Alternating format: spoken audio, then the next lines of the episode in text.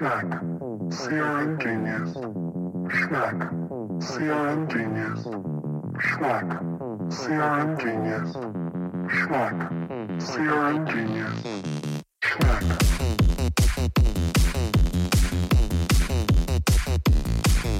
Schmack.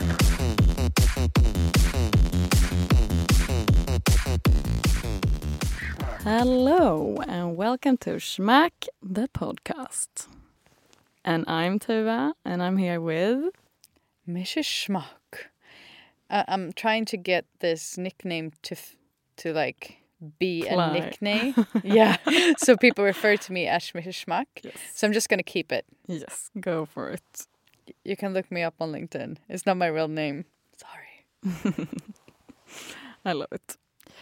Okay, and today we are gonna talk about maintenance versus automation uh, when it comes to CRM. Um, so the main issue that we see is that uh, this kind of communication has always been done in very manual ways, uh, and we our goal in life is to make things more automated and more efficient, smarter, and better. Yes. Yes. That's like the reason. i i in French, it's called it's called raison d'être. No, I'm not even gonna start with my French. Um, but reasons for a reason for existence. Yeah. if that is even a, an expression in English. That is why we exist to make sure that um, people start to automate things instead of just adding more people to enable or ensure scalability. Yeah, it's. Uh, I guess that goes for other uh, like issues than uh, this area as well. But that the, re- the like people think that the solution sometimes is just if you just add more people, they can solve the problem. We're gonna uh, have a solution, but actually maybe sometimes it's the opposite. There Yeah. maybe sometimes too many people can also complicate things. Um, And obviously increase the complexity. yeah, Um, and you just add to a manual process and to manual uh, and a manu- uh, manual setup, you just add more people, which increases the complexity. exactly. um, just to kind of get an understanding of what we're talking about is that if we compare it to performance marketing, we have, um, let's say that you as a company put out or, or you set four ads live um, on Facebook.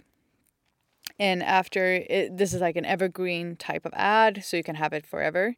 However, when the engagement rate goes down, to a certain level, Facebook actually just stopped this ad, um, making sure that their platform doesn't have bad communication on it or bad performance ad or performing ads.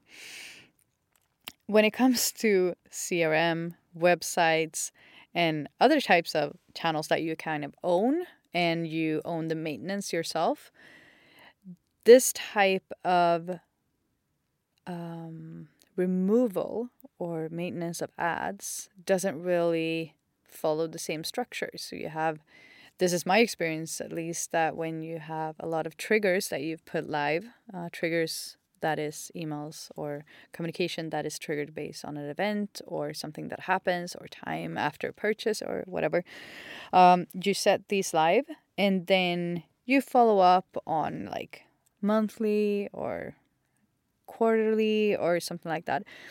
And the problem is that the more triggers that you set live, the more time the more time you need to spend on following up on these. Mm. Whereas the schmuck way of doing things is actually if the engagement goes down, it should be automatically removed. Yeah, why isn't that being used in the same way? If the intelligence is there, why should we like just because it's like a CRM channel? Why does someone have to sit manually and like check? So how is this message performing? Let's change this thing, and it's I, why is that? I think that uh, the historical answer or the, answer that I have Mm. is that we have worked in silos. So we've had performance marketeers that have been used to this way of working with other types of platforms. Um, and the platforms actually own the content. So Yeah. they are mindful of what content that they, they put up or campaigns that they put, put up. Uh, but on the other side, we have marketeers that work with CRM and uh, emails and we have people that work with websites and given that the functionality is not pre-built in wordpress or in other type of marketing engagement platforms or marketing automation systems you need to build it yourself and the need hasn't been there because the knowledge hasn't been there No. Yeah, it's that old problem again with the silos. yeah it, I- it actually It, it actually creates problem like so many kinds of problems as well because that's also one of the reasons behind why it's so like misaligned sometimes. The yeah, the emails or pushes or uh, like CRM mes- messages compared to uh, the advertising uh, that you see online or Yeah. especially compared to maybe outdoor like out of home campaigns and other kinds of marketing as well. Yeah uh, it's silo based works and uh, work and it's not only for the creative part and what it actually looks like it also in filters down to performance wise that Yeah. we have triggers or we have campaigns that is constantly being pushed out to users or customers that are actually not, not performing and there's they are never really reviewed because the people don't, don't have time because No. it's manual processes and i think that we have a lot of like old um, articles on websites that are just lying there not performing not doing the, its job at all but it's never removed you you could argue that it's still there because of seo um, but the problem is if you have rebranded yourself and you have like a new, new company name, you have all of these things, and you still have old articles. It's like the same problem that you have old content that is just lying there. Mm.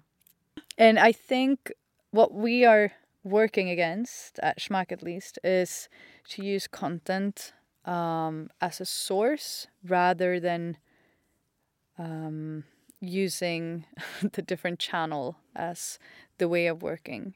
Um, because as long as you see your channels as silos, you will have different people that will be specialized in this spe- specific channel, and you will have silo based work. And it's going to be a lot of um, a lot of work just integrating the ways of working together. Mhm.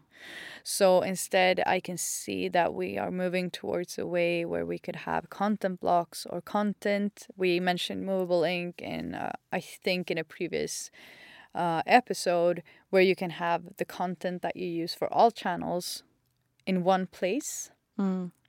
and you can use, for instance, how often this image is viewed in a website or email or push notification, the impression, uh, the impressions of this image, and if it's not viewed anymore, just remove the whole Mm. um, campaign.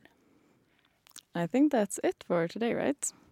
Yes. Are we happy? We could talk about this for hours, um, but I think that this was like a good high level yeah. uh, talk about using content as a source rather than like having all of these campaign and channels as a source. Yes. Thank you, Mrs. Schmuck. Thank you.